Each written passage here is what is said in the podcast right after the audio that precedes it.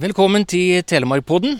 Jeg heter Styrk og står ved porten til Brekkeparken, Telemark museum i Skien. Og der er jeg avtale med Kristine Hermansen. Åh, porten åpner seg. Velkommen inn, Styrk. Det er veldig hyggelig at du kommer. Tusen takk for det. Dette har jeg gleda meg til. Leder av utstillingsavdelinga ved Telemark museum. Hva gjør en leder om dagen? Ja, hva gjør en leder om dagen? Vi eh, planlegger da, vet du, og koser oss og fordyper oss og ser på alt det nydelige arbeidet vi kan drive med for å vise fram kunnskap, samlinger og engasjere publikum. Jeg kjenner på meg alt nå at dette blir en runde med flust med glød og entusiasme her vi nå har passert hovedporten inn i det som er parken for ikke bare Skien, men hele Telemark. Det er det. Det er det. Det her er liksom det gamle fylkesmuseet i Telemark. Så vi gikk jo nå liksom gjennom Klosterporten, og der begynner vi allerede rett på. For det, Klosterporten den er flytta hit. Og da er du inne på det som er gjennomgående her i parken. Det er juks og bedrag å flytte og komponere hele driten. Dette er skrøne fra ende til anna, eller? Må jeg være sånn veldig politisk korrekt og si at nei, det er jo ikke helt sånn da, vet du, Styrk. Men du har jo selvfølgelig litt rett i det. Nå går vi her og ser bygninger på begge sider av oss som er flytta hit. Men det er det man gjorde. Man bygde opp friluftsmuseer. Og det er klart, alle vi i Norge vi kjenner andre typer museer, som Folkemuseet, Maihaugen, og alt er på samme måten. Vi vil vise fram det som var kulturen vår. Når ble disse stogene flytta hit og samla? Altså, dette museet det har sin opprinnelse tilbake i 1891. Det var da man liksom virkelig begynte i Skien og Telemark å tenke museum. Men stuene de er kommet til seinere. Og ja, veldig mange av de rundt 1911 omtrent. Og så helt fram til 60-tallet, faktisk. Men da må det jo ha vært litt slump, hva som ble med og ikke? Eller tar jeg feil der? Nei, der tar du ikke feil. For dette her, det her var problematisk. Her var en gjeng eh, med ganske høytstående menn. Altså, Vi snakker liksom om å bygge Norges identitet, så dette her var dønn seriøst. Bare mannfolk? Det var bare mannfolk, rett og slett. Og dette her hadde status, altså. Og det var ettertrakta. Altså, man måtte virkelig kjempe for en del av bygningene. F.eks. så vet jeg at museet her vi sleit med å finne et stabbur. Så der var det flere forsøk før man endelig fikk kjøpt et stabbur som kunne utfylle den biten av samlinga vår, da. Men ikke alle bygningene er flytta hit? Ikke alle. Vi skal etter hvert nå bevege oss opp mot det som vi kaller for hovedhuset, som liksom er huset. Vi går jo faktisk da i hagen til dette huset, altså Søndre Brekke gård. Og det er jo en eldgammel gård i utgangspunktet.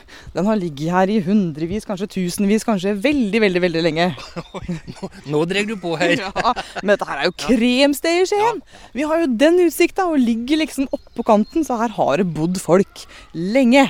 Og nå åpenbarer da hovedhuset seg. Og det ble bygd her det er ikke flytta. Ikke flytta. Når uh, taler vi da? Er vi på slutten av 17? Ja, det er vi, vet du. Ja. Du er skikkelig god, du. Her er vi på 1780-tallet. Og da er det Jokum Atzelev som bygger. Det som er litt gøy, da, det er at en tenker at det er så forskjell på liksom stuene vi ser og dette hovedhuset som vi kaller det. Men det er det jo ikke. Det her er også en laftekasse. Så det er egentlig en sånn stue, det her òg. En kjempestue. Bygd i litt flere biter, men så er den kledd inn med panel. Så er den jo da malt for å se ut som at den er laga i sandsten. For det er jo det man gjorde på kontinentet. Det skal være fint, vet du. Det skal være kjempefint, men det var treverk vi hadde å meske oss med i ja. Norge. Ja. Og da er det til og med laga hjørnekasser her i tre, men det skal se ut som ja, mur. Det skal se ut som sånne kvadre. Så det, ja da, det må være ordentlig, ordentlig, ordentlig. Når vi kommer litt nærmere nå, så ser du også at det er liksom pilastre, som vi kaller det. Når det er sånne søyler som går oppover inni veggen, på en måte. Med eh, avslutninger på toppen, og det er ordentlig fint, dette her, altså. Ja, det er praktfullt.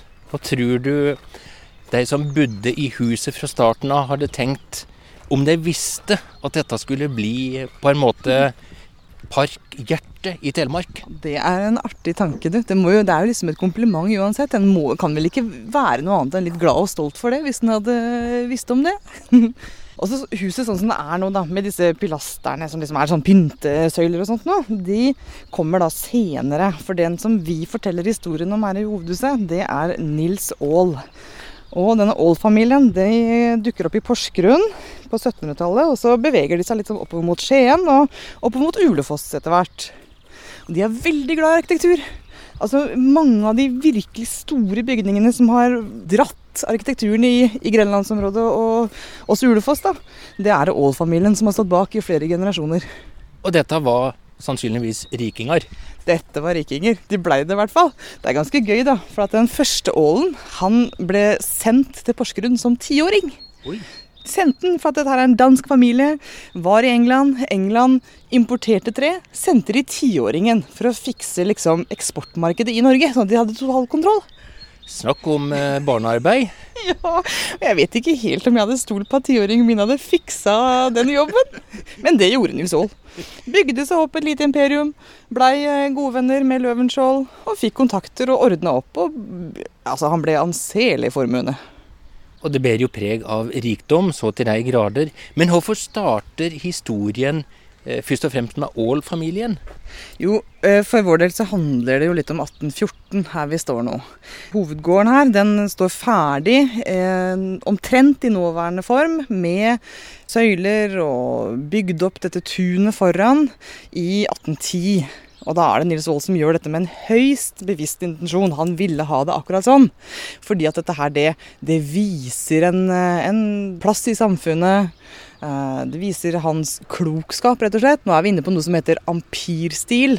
Og da er, liksom, da er vi fransk og Napoleon og sånt noe. De drev og gravde fram antikken. Altså gamle Roma, gamle Hellas. Lot seg inspirere. Jepp. De ble veldig glad i det. Og da kobler det sammen med opplysningstid.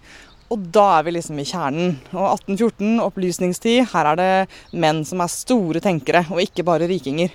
Og la det være klinkende klart, denne herremannen hadde ei sentral rolle rundt det som skjedde før og i 1814. Det hadde den nemlig. Skal vi se om vi kan få låst opp litt her òg, da. Vi liker jo å passe på eh, tinga våre, så da Jeg registrerer at du er tiltrudd eh, flere nyklar i knippet, både store og små. Ja, jeg må ha litt store og små. Det er litt gøy å gå rundt med de. Og så er det litt panisk noen ganger, for at det hender jo man legger de nøklene fra seg på feil sted. Ja. Ja, Da er det ikke så gøy. Da er vi ved hovedinngangen til denne herskapelige eiendommen. Så her, sånn, her må vi bare snu oss litt rundt, vi som kan se og ikke bare høre. For at det som vi ser særlig, det er jo en vanvittig symmetri. En kan eh, telle like vinduer på hver side, det er like søyler på hver side. Det er til og med vinduer her som ikke er vinduer, men som er påmalt veggen. Og da er det for å gi det estetiske inntrykket av orden, rett og slett. Det er en veldig viktig del av denne stilen.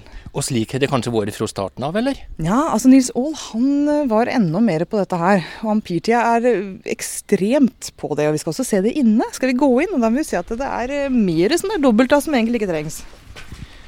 Og nå har vi kommet oss inn i hallen, hvor det er veldig vakkert. Og det er egentlig litt for mye pynt her, Styrk. For at uh, disse maleriene som vi står og ser på, med løver og blomster og masse flott, de er litt seinere.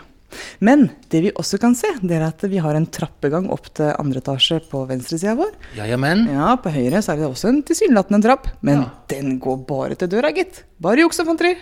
Ja, ja. Var det så viktig i denne stilen at det skulle være symmetri? Ja. Dette her er liksom minimalismen, altså. Dette er funksjonalisme og minimalisme om igjen. Du kan tenke dere sånne rokokkomøbler med masse svinger og kruseduller og ting og tang og masse pynt og flott. Når du kommer til ampir, så er det strengt, ordentlig, veldig lite pynt. Ofte så er det da ja, sånn sånn innlagt trebilder, som kalles for intarsia, eh, med bilder fra antikken. Så her er det opplysning, tanke, orden, symmetri, ro. Vi får ta oss, altså Hvis du tør å bli med, da, for det er jo kjent at vi har et spøkelse her. Ja, er det sant, eller er det bare godt lyge? Ja, det er veldig mange her, også blant folk som jobber, som forteller om eh, lys som ikke vil slå seg av, på av, det er dører som ikke vil åpne seg, det er mange som kjenner eh, kanskje sånn vinddrag noen ganger. Så har vi jo mange speil da, vet du, som mange har sett mye rart i. Så det er mange observasjoner, det er det. Og de er heldigvis er de liksom veldig positive. Og det er litt sånn typisk for byspøkelsene, egentlig, at de er veldig sånn hjelpsomme. Men hen stammer eh, dette spøkelset fra, eller når, når begynte folk å fornemme? Ja, det som er så gøy, det er at dette er eh, først nedskrevet av selveste Wergeland.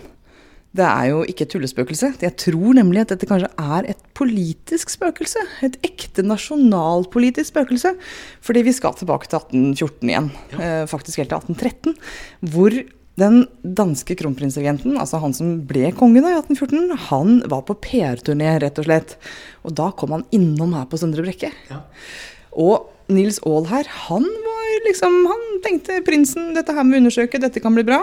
Men det var andre familier her i Skien som hadde en ganske tydelig holdning til at det var best å være med Sverige videre også. Og det ville gi Norge beste muligheter.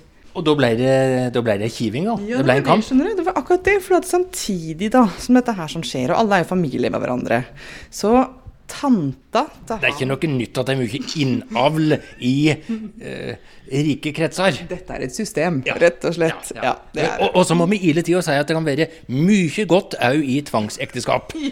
Ja. Det har gått veldig bra for disse familiene, så det tror jeg absolutt det har gått fint. Oh, Neida. Men da var det sånn at tanta til han som bodde her, det var altså mora til den andre familien. eh, som bor litt lenger nord her i Skien de som ikke var så gira på denne prinsen. Og så ligger denne mora og tanta, hun driver og dør, jo, når det er fest og moro på Søndre Brekke. Og det er klart at da går han å si at ærlig talt, Nils Wold, hva er det du holder på med? Han driver og har fest, her ligger tante og mor og dør. Mens du bare holder på å fjasse rundt for denne prinsen. Snakk om klimaks. Eh, absolutt. Eller antiklimaks. Det kan være et antiklimaks. Ja. Og dette ble det et spøkelse av. Så jeg lurer på om dette her er litt sånn der politisk eh, drittkasting, som én uh, fjær blir til ti høns faktisk her nå. da går vi over dynstokken til ei av stogene, for det er jo flere stoger i dette huset, må vite. Å ja, det er klart det er det. Her har man egentlig liksom en sånn representasjonshalvdel, og en halvdel som er mer sånn til dagligbruk. Og så er det litt spennende, vet du. For her, når vi står nå, så er det veldig vakkert, det er mye, det er mye bling her. Ja. Det er gull, og det er krystall, og det er bilder og flotte farger, og det er silketrekk på sofaen og i det hele tatt. Men ser du også at det er litt sånne rare ting her som egentlig ikke passer inn? Vi har liksom lagt ut litt ting som Ja, de passer jo egentlig ganske godt inn. da. Ser sånn litt sånn grunnlovsting der og Ja, det ser jeg. Noe papir som er slengt rundt, og her er et skrin med et par korker på. Det dukker opp litt, litt låser og sånt noe. Fordi ja. at det, vi på museene før vet du, så var vi liksom kilden. Hvis du skulle lære om Søndre Brekke, da måtte du komme hit, og så fortalte vi akkurat åssen det er, og vi bomba deg med masse årstall og tjo og hei. Men sånn gjør vi det ikke lenger. Nå kan jo alle gå på Google og finne ut akkurat det de vil sjæl.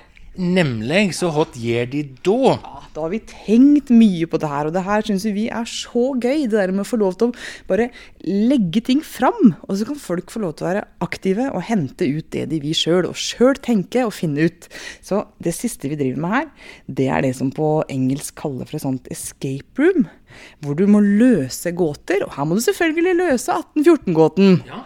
For den historien er mye større enn det en tenker på bare med 17. mai. Her sånn så må du altså da liksom finne koder og ordne opp. Du må følge Nils Aals eh, liv den sommeren 1814 for å komme deg ut igjen, for vi låser folk inne, rett og slett. Så tøft. Og jeg eh, har fått nyss om at dette har blitt eh, populært ikke bare for pur unge, men òg for eh, godt voksne. Ja, en tenkte jo det at det liksom, dette her er noe som ungdommen driver med. Ja. Men her er det masse 75-åringer for eksempel, som har fått dette her i bursdagspresang og gir det i bursdagspresang til hverandre. Så alle liker å leke, for det er det vi gjør litt. Vi leker med kunnskap, og folk får liksom sjøl tenke og ta med seg det de vil.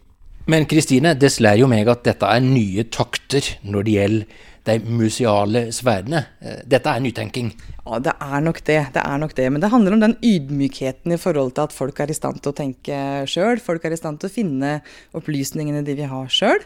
Så for oss så handler det om på en måte å tilby, og ikke stille noen krav til hva folk egentlig skal ta med seg. For det, det er det å fikse folk sjøl, rett og slett. Vi har tillit til publikummet vårt. Her er det dekt i fest, iallfall. Ja, det er det. Og hvis vi kan snike oss bort, da, for her er det nemlig da lov å faktisk ta litt på servise og sånt nå, så vi en finne litt symboler og greier under eh, noen av disse tallerkenene, som er en del av denne leken vår, da. Og det er klart, det var jo kjempeskummelt for oss å putte liksom sånne oppgaver hvor du skal ta på ting og gjøre ting, inn i sjølve museet. Men vet du hva, det har gått så bra. Ingen knus og ingen som eh, rappa noe? Nei, ikke i det hele tatt. Så dette her fungerer så fint. Så for oss så ser vi at vi har lært at dette her skal vi alltid ta med oss. Så om vi så skal lage vanlige utstillinger, så skal vi ha med det elementet av egen aktivitet. Og det å liksom få lov til å, å leke litt. Liksom. Det er sånn en lærer.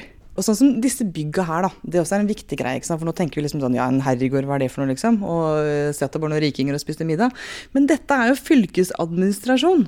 Nils Aall, han var også amtsmann, altså i fylket Bratsberg Telemark nå, da. Og det er klart, da fantes det ikke noe fylkeshus. Så da var dette var administrasjon. Så disse store gårdene som en kan tenke at bare er eh, sånn snobberi, det er slett ikke det. Her blei samfunnet styrt og leda, og en løste oppgaver, hadde møter, fiksa ting, rett og slett. Så var det da dårlig konjunktur, så handelen her gikk eh, åt skogen og i det hele tatt. Så i 1830 så måtte Nils Wold faktisk selge det huset her til sønnen sin, og så flytta han opp på hytta si på uh, Ulefoss. Da ja. Da har jeg en mistanke om at du sikter til Ulfoss hovedgård. Ja, jeg gjør det. Så det er jo liksom, det er jo litt av en hytte, for å si det sånn. Men det er jo faktisk landstedet da, til uh, Nils Aall vi snakker om der oppe. Det må alle, liksom, når man kjører på rv. 36, ser dette nydelige, vakre bygget hvite på høyden der, så er det altså Ulfoss hovedgård. Og snakker om arkitektur! Det finnes ikke makan i Norge. Det er fantastisk, og det er så verdt å bruke en eh, dag og oppleve og ta inn inntrykka. Ja, det er det. Og liksom snakker om at vi her ser symmetri og liksom symboler og sånne ting. Men når du er på Ulefoss, så det er liksom bare en verden av eh, masse symboler og litt sånn skjulte ting som ligger under og i det hele tatt. Det er ganske spennende tid der, vet du. For det, det, er klart at i 1814 og sånn så var det, var det, sensur, så man kunne jo ikke si hva man vil. Så de fleste av disse folka som var eh, aktive i 1814, de var f.eks. medlem av hemmelige selskaper og etc. Og det er mye gøy å oppdage på Ulefoss hovedgård. Og Ulefoss er òg under paraplyen til Telemark museum. Det er det, vet du. Vi er jo så heldige. Det er jo så mye gøy. Telemark er så flott. Og jeg får jo være med alle disse nydelige kollegaene mine og jobbe med alt fra Theodor Kittelsens barndomshjem, Henrik Ibsens barndomshjem. Det er helt vilt. Flott arkitektur, folkekunst. Det er liksom ikke den ting. Sjøfart. Alt. Snakk om å ha det moro på jobb. Å, det er helt nydelig. Helt nydelig. Så har de et kjempestort ansvar òg for å takke vare på historien for eh, ettertida. Ja. Ting og tang i magasin og trygge steder. Ja, det er det. Det er virkelig ting og tang, og det er veldig mange av dem. Uh, og det er selvfølgelig en veldig stor del og en kjernevirksomhet liksom, for museet å passe på. Og det er klart det gjør vi ikke her lenger. Nå har vi ordentlige lokaliteter for det, hvor liksom vi passer på temperatur og luftfuktighet og det som er. Og en gang til, og der kommer vi av gårde. Nå skal vi se på en ordentlig skatt. Jeg tenkte vi skulle ta en tur innom kirkesamlinga. For når en snakker om det der med å ta vare på eh, historien, så gir det et eh, godt innblikk på noen av de virkelig eh, gamle tinga her. Da er vi inne i en slags sidebygning til hovedhuset her. Og det er vi. Og her ser dere at her er det aktivitet, for vi liker veldig godt å samarbeide med andre. Så nå er det en teaterforestilling som blir satt opp her på museet, som vi går litt gjennom rett og slett nå. Kan hende at vi kommer rett ut i prøvene, faktisk. Skal vi se. Hvis du ser Hvis du ser her sånn, ser du, ser du den der flotte dama med solbriller og skjegg? Ja. Du verden. Hva er dette, Kristine? Dette er Peter Pan. Og det er det beste vi vet. Det er å samarbeide med andre. For vi tenker at det blir så mye bedre når vi får samla flere måter å fortelle på. Og det å liksom gjøre, skape liv rundt omkring. Og det gjør de stadig på museet ja, og i Brekkeparken. Jeg syns det er veldig viktig. Det er jo en institusjon nå som heter Parkjazz. Og det er fantastisk. Det er jo to karer fra Skien som har satt i gang. Og, og, vi er liksom bare arena, men eh, veldig takknemlig arena for kvalitet, liksom, til de grader. Og så få utspille seg på denne scenen som jo er fra liksom, altså Det har vært eh, høy kvalitet i forestillinger der siden 1930-tallet, så de går inn i en god tradisjon. Så moro. Og Brekkeparken har jo vært en forlystelsens park gjennom så lang tid. Det har det. det har det. Så liksom det er en viktig del av det, det òg. At vi er liksom litt sånn folkepark. Det er ikke bare museum og låste dører, selv om vi har gått gjennom veldig mange av de nå. Så er dette en ordentlig folkepark. Hvor folk skal kunne kose seg og liksom velge litt sjøl i hvilken grad de vil være med på forestillinger eller søke kunnskap, eller bare gå og nyte. Men må en løse billett for å eh, titte inn porten og se på denne flotte parken? Nei, nei, nei, nei. Her er det bare å strømme på. Vi låser opp portene klokka 11 stort sett, og på sommerstid så er det åpen helt til kafeen her stenger ved 9-10-tida, tenker jeg portene låses. Dette her er et skummelt sted, altså, hvis vi blir sittende fast her. Fytti rakkeren. Oi. Ja, se her. Oi, oi, oi.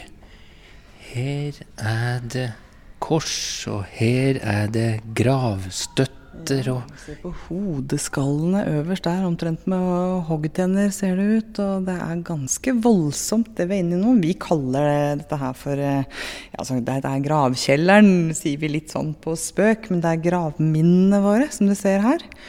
Og noen av dem er fryktelig, fryktelig gamle, rett og slett. Du ser bl.a. en hellegrav borti hjørnet der, som altså har sånne steiner da, som var satt opp langs kanten av en grav. Istedenfor en kiste, så er det satt opp steiner så det danner en slags eske.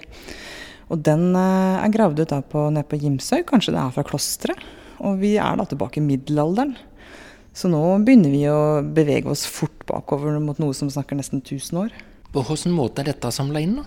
Jo, da er det denne her gjengen altså, som var veldig aktiv i innsamling. Man virkelig var ute og henta. Og det er vi utrolig takknemlige for nå. Det er jo ikke, vi klarer ikke å ha den samme samlingsaktiviteten i dag. Og så er det klart at veldig mye av de gjenstandene som finnes fra tidligere tider, det er på en måte unika. Det finnes bare én av dem. Mens i vår kultur i dag så har vi mye mer liksom, gjenstander som det produseres hundretusenvis av.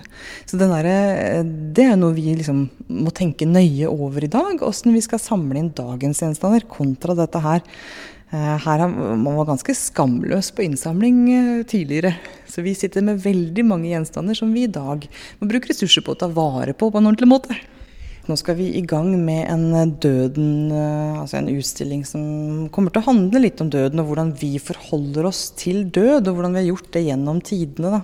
Og dette med gravstener, det er ikke så lenge siden det kom. Det var ikke vanlig med gravstener for noen hundre år siden. Og det her var sånn som begynte med de som hadde penger, og så har det spredd seg. Men skal vi se, her er det ganske mange sånne symboler som er for oss alle. Vi ser noen timeglass, f.eks. Uh, alle dør. Sånn er det bare. Men det er klart at I vår kultur så syns vi kanskje det er litt ubehagelig å tenke på. Altså, vi vil gjerne unnslippe de greiene der. Mens det i andre tider så har det vært noe en har forholdt seg til på en annen måte. Timeglasset minner deg om at tiden går, og du bør jammen bruke tida di så godt du kan. Det er jo et uh, tips til oss alle også i dag.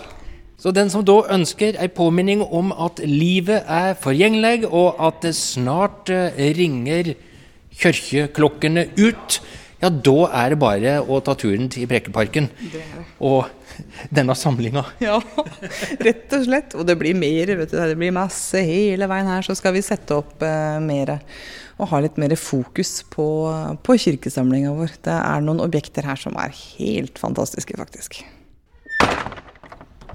Da går vi litt videre. Vi må jo nødt til å ha med litt rosemaling og folkekunst også, syns jeg. Så da har vi ei nydelig stue, Ramberg, hvor Ola Hansson virkelig har boltra seg på slutten av 1700-tallet. Han er liksom blant Norges absolutt topp tre av rosemalerne. Og han er også veldig fin blant våre. altså Det er liksom Thomas Lurås og Ola Hansson som vi har. Men det er ganske stor forskjell på de to. Og vi skal se på Ola Hansson fordi han har liksom med seg den gamle magien, de gamle symbolene i rosemalinga si. Den er liksom forsvinner litt mer med Thomas Lurås. Han bare maler. Der er det bare vakkert og fint. Mens i Ola Hansson så ligger det en del skjulte ting. Der er en sånn tradisjonell stue, hvor liksom grunnplanen er en kove og en stue. Og så har vi flotte sånn, altså ordentlig den du viste fram til folk oppe. Så nå skal vi krongle oss opp til trappa, og den trappa her den er både skeiv og gammel, så jeg må passe oss. Og da åpner Kristine rullegardinene. Er det slik at uh, det må være mørkt her for å ta vare på rosemålinga, ja, eller? Det må det. For dette her er ikke oljemaling, dette her er limfarger. Så altså, disse pigmentene som vi står og ser på nå, de tåler lite. Og de, de blir borte liksom med, med sollys, så her må vi være forsiktige hele tida. Så her dekker vi til. Så fort det liksom ikke er i bruk, så er det gardinene ned igjen. Men her er vi inne i ei stoge, ei statsstoge, der hele rommet er måla rett på timmerstokkene. Og i taket Ja, gulvet er ikke måla, da. Nei, det er nesten litt heldig, tenker jeg også, for det blir jo litt svimmel av å være her. Det er, det er, mye dekorasjon. Det er nesten litt sånn småpsykedelisk i forhold til vår uh, stil. Men det som er gøy her, det er liksom at det, det ser jo ikke helt ut som telemarksbunaden. For den er mye nyere, og den rosemalinga liksom, som vi har tatt med der, det er mer sånn Thomas Lurås. Det som vi står og ser på nå, Ola Hansson, her er det mer tydelige blomster. Det er noe som kalles for frøkapsler, som vi kan se ganske tydelig. Som inni midten av blomsten og sånn, så er det en sånn typisk greie hvor det er ruta. Det ser ut som sånn der eh, ribbe. Juleribbe. Ja. Og den er uh, typisk et sånn gammelt symbol som ikke bare kommer liksom med rosemalinga og oppstår her i Norge. Det er noe som har kommet via kulturer langt tilbake. Dette her har vi med oss fra lotusblomsten at vi er helt tilbake liksom i Egypt og de gamle persiske og hele veien. og Alle har med seg disse symbolene. Så den rosemalinga som Ola Hansson står for, den har med seg mye, mye livskraft, kan vi si på en veldig pen måte. For at her er det faktisk symboler som går helt på kanten av det erotiske. Det er ikke bare rosemåling, nei. Det er rett og slett eh nakne, badende folk, eller hva de nå gjør og ikke gjør? Her er det rett og slett eh, avkledde mennesker, og det er mye bibelske scener. Men det er klart at i Bibelen er det også mye kjærlighet, og det handler om liv. Det er den greia som handler om liksom mann og kvinne, og det eh, ganske magiske i å skape nytt liv. En del av disse symbolene handler om nettopp det, og en vil gjerne se Eh, både på bunader og jeg som går i en sånn museumskofte. Jeg har sikksakk-mønster på meg, og det er trekant opp, trekant ned, trekant opp, trekant ned. Og det er eh, mann, kvinne, mann, kvinne, mann, kvinne. Og det finner man også i all denne rosemalinga her, sånn, så er det punkter hvor det springer ut nytt liv hele tiden. Den tydeligheten i liksom at dette her eh, handler om noe større enn bare denne, de flotte blomstene vi ser, den er veldig tydelig her, men den forsvinner litt i den seinere rosemalinga når vi kommer opp på 1800-tallet. Ja, for det er først nå det går opp for meg at uh, rosemålinga kunne være såpass uh, erotisk ja. som det ligger an til her.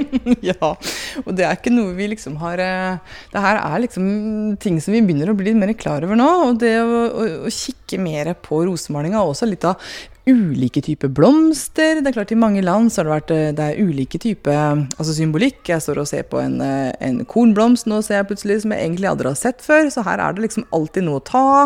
Jeg ser noe som ligner på tusenfryd, som jeg faktisk aldri helt til å ha sett. Den lille klasa på sida der. det ser ut som et overflødighetshorn. Det er akkurat det det gjør. Og, ja. og, og, det er jo et kjempeviktig symbol. Og det var også hele, altså både parken vår. Vi har et blomsterbed som er forma som et overflødig symbol, Og vi har på hovedhuset så er det overflødighetssymbol på framsida.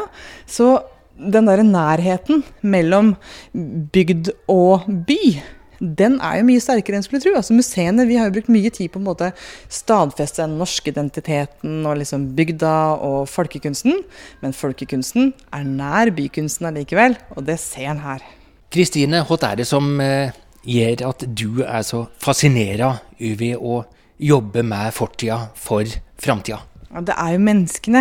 Det er jo det som er clouet hele veien. Det er det å få lov til å være mennesker sjøl og jobbe sammen med andre mennesker. Og det å se åssen folk har løst utfordringer tidligere. Eh, hvordan vi løser utfordringer nå. Se likheter, se forskjeller. Og den derre kjærligheten og tilliten folk har til hverandre. At vi faktisk har klart å leve i samfunn. Ulike typer samfunn. Det syns jeg er så fascinerende det er jo ikke så lett å, å, være venner og alt bestandig. En har lyst til å dra til folk noen ganger. Men vi har liksom alltid klart det. Og det der å få lov til å se på spora etter samfunn, tilliten mellom folk, jeg syns det er det rørende med det. Det er den menneskelige faktoren. Åssen tror du Brekkeparken er om 100 år? Ja, det er gøy. Jeg tror at den er ganske lik, men det kan hende faktisk at det kan dukke opp noen flere bygninger. Det hadde vært gøy om vi liksom fikk samla på noe litt flere bygninger. Så ligger det jo så magisk til liksom i eh, Skien med den utsikten. Så dette her kommer til å være en perle fortsatt. Og så, vi er jo så heldige at vi kommer til å få oss et nytt museumsbygg. Det kommer til å ligge her om 100 år også. Og det kommer til å være folk her. Det kommer til å være unger som leker. Det kommer til å være andre som går og koser seg. Og det kommer til å være blomster og vakkert og meningsfullt da, altså. Kristine Hermansen, tusen takk for ei fantastisk reise. Styrk Fjærtoft, Brekkeparken.